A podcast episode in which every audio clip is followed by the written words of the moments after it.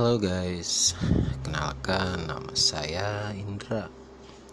Di sini saya cuma pengen berbagi ya, berbagi pengalaman-pengalaman mistis yang pernah saya alami dari semenjak saya kecil sampai sekarang ya.